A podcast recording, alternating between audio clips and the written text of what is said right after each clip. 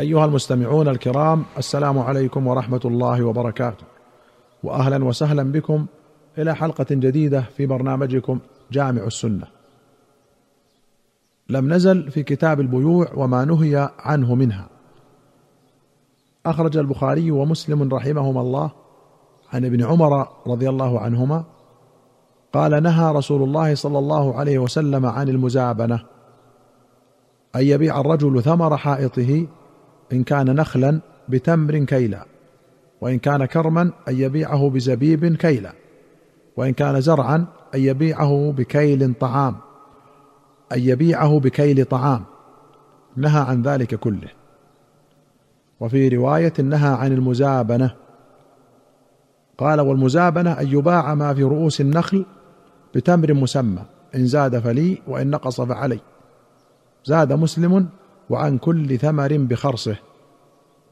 سيأتي في باب حفظ اللسان إن شاء الله النهي عن تسمية العنب كرما فيجمع بينهما بحمل النهي على التنزيه ويكون ذكره هنا لبيان الجواز. وهذا كله بناء على أن تفسير المزابنة من كلام النبي صلى الله عليه وسلم. أما على تقدير كونه موقوفا فلا حجة على الجواز فيحمل النهي على حقيقته. وأخرج البخاري عن زيد بن ثابت رضي الله عنه قال كان الناس في عهد رسول الله صلى الله عليه وسلم يتبايعون الثمار فإذا جد الناس وحضر تقاضيهم قال المبتاع إنه أصاب الثمر الدمان أصابه مراض أصابه قشام عاهات يحتجون بها. فقال رسول الله صلى الله عليه وسلم لما كثرت عنده الخصومة في ذلك إما لا فلا تبايعوا حتى يبدو صلاح الثمر كالمشورة يشير بها لكثرة خصومتهم. قوله جد الناس أي صرموا نخلهم. والدمان بفتح الدال وضمها وتخفيف الميم. عفن يسود الثمرة. والمراض داء يهلكها. والقشام انتقاص ثمر النخل قبل أن يصير بلحا. قال ابن حجر اختلف السلف في معنى بدو صلاحها فقيل المراد به جنس الثمار.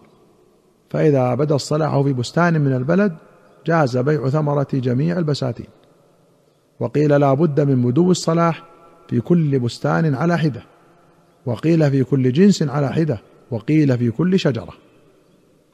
ويمكن أن يؤخذ ذلك من التعبير ببدو الصلاح لأنه دال على الاكتفاء بمسمى الإزهار من غير اشتراط تكامله. مع حصول المعنى وهو الأمن من العاهة. انتهى ملخصا. وأخرج البخاري ومسلم رحمهما الله عن ابن عمر رضي الله عنهما أن رسول الله صلى الله عليه وسلم قال لا تبيع الثمر حتى يبدو صلاحه ولا تبيع الثمر بالتمر. ورخص بعد ذلك في بيع العرية بالرطب أو بالتمر ولم يرخص في غيره. وفي رواية أن رسول الله صلى الله عليه وسلم نهى عن بيع الثمار حتى يبدو صلاحها ونهى البائع والمبتاع. وكان إذا سئل عن صلاحها قال حتى تذهب عاهته. ولمسلم أن النبي صلى الله عليه وسلم نهى عن بيع النخل حتى يزهو وعن السنبل حتى يبيض ويأمن العاهة. نهى البائع والمشتري. وفي أخرى له لا تبتاع الثمر حتى يبدو صلاحه وتذهب عنه الآفة. قال يبدو صلاحه حمرته وصفرته. قوله حتى يزهو أي يحمر أو يصفر. يقال زهى النخل إذا لون بحمرة أو صفرة. والزهو هو البسر الملون والنبات الناظر والمنظر الحسن. والزهو أيضا هو الكبر والفخر وليس المراد هنا. وأخرج الشيخان عن عطاء عن جابر بن عبد الله رضي الله عنهما قال نهى النبي صلى الله عليه وسلم عن المخابرة والمحاقلة وعن المزابنة وعن بيع الثمرة حتى تطعم وفي رواية وعن بيع الثمر حتى يبدو صلاحه وأن لا يباع إلا بالدينار والدرهم إلا العرايا. زاد مسلم قال عطاء فسر لنا جابر. قال أما المخابرة فالأرض البيضاء يدفعها الرجل إلى الرجل فينفق فيها ثم يأخذ من الثمر. وزعم أن المزابنة بيع الرطب في النخل بالتمر كيلا والمحاقلة في الزرع على نحو ذلك. يبيع الزرع القائم بالحب كيلا. قوله حتى تطعم أي يكون لها طعم. وتصير طعاما يطيب أكلها وإنما حرمت تلك البيوع للجهالة فيها. قال ابن حجر قوله ولا يباع إلا بالدينار والدرهم قال ابن بطال إنما اقتصر على الذهب والفضة لأنهما جل ما يتعامل به الناس. وإلا فلا خلاف بين الأمة في جواز بيعه بالعروض يعني بشرطه. وأخرج البخاري ومسلم رحمهما الله عن زيد بن ثابت رضي الله عنه أن رسول الله صلى الله عليه وسلم رخص لصاحب العرية أن يبيعها بخرصها من التمر. وفي رواية رخص في العرية يأخذها أهل البيت بخرصها تمرا يأكلونها رطبا. قال يحيى بن سعيد والعرية النخلة تجعل للقوم فيبيعونها بخرصها تمرا. وقال في أخرى العرية أن يشتري الرجل ثمر النخلات لطعام أهله. رطبا بخرصها تمرا. وأخرج البخاري ومسلم عن أبي هريرة رضي الله عنه أن رسول الله صلى الله عليه وسلم رخص في بيع العرايا بخرصها من التمر فيما دون خمسة أوسق. أو في خمسة أوسق. شك داود بن الحسين في خمسة أو دون خمسة. الأوسق جمع وسق والوسق ستون صاعا. قال ابن حجر لو زاد في صفقة على خمسة أوسق فإن البيع يبطل.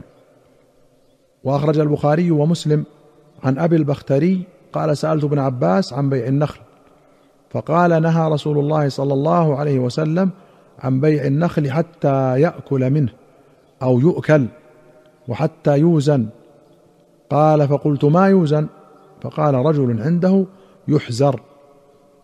قوله حتى يأكل منه أو يؤكل معناه حتى يصلح لأن يؤكل في الجملة.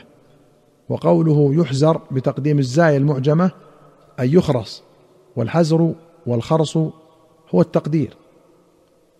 وأخرج الشيخان رحمهما الله عن أنس رضي الله عنه أن النبي صلى الله عليه وسلم نهى عن بيع الثمار حتى تزهو. فقلنا لأنس ما زهوها؟ قال تحمر وتصفر. قال أرأيت إن منع الله الثمرة؟ بما تستحل مال أخيك؟ وفي رواية قال النبي صلى الله عليه وسلم إن لم يثمرها الله فبم تستحل مال أخيك؟ وأخرج البخاري ومسلم عن جابر رضي الله عنه أن رسول الله صلى الله عليه وسلم نهى أن تباع الثمرة حتى تشقح. قيل وما تشقح؟ قال تحمار وتصفار ويؤكل منها. وأخرج مسلم رحمه الله عن جابر رضي الله عنه قال قال رسول الله صلى الله عليه وسلم إن بعت من أخيك ثمرا فأصابته جائحة فلا يحل لك أن تأخذ منه شيئا. بما تأخذ مال أخيك بغير حق؟ وفي رواية أن النبي صلى الله عليه وسلم أمر بوضع الجوائح. اختلف العلماء في الثمرة إذا بيعت بعد بدو الصلاح وسلمها البائع إلى المشتري بالتخلية بينه وبينها ثم تلفت قبل أوان الجذاذ بآفة سماوية. هل تكون من ضمان البائع أو المشتري؟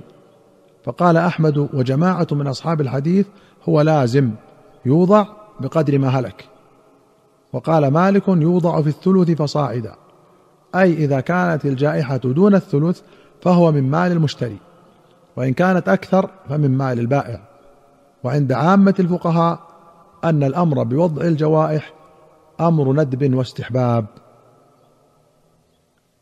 أيها المستمعون الكرام إلى هنا نأتي إلى نهاية هذه الحلقة.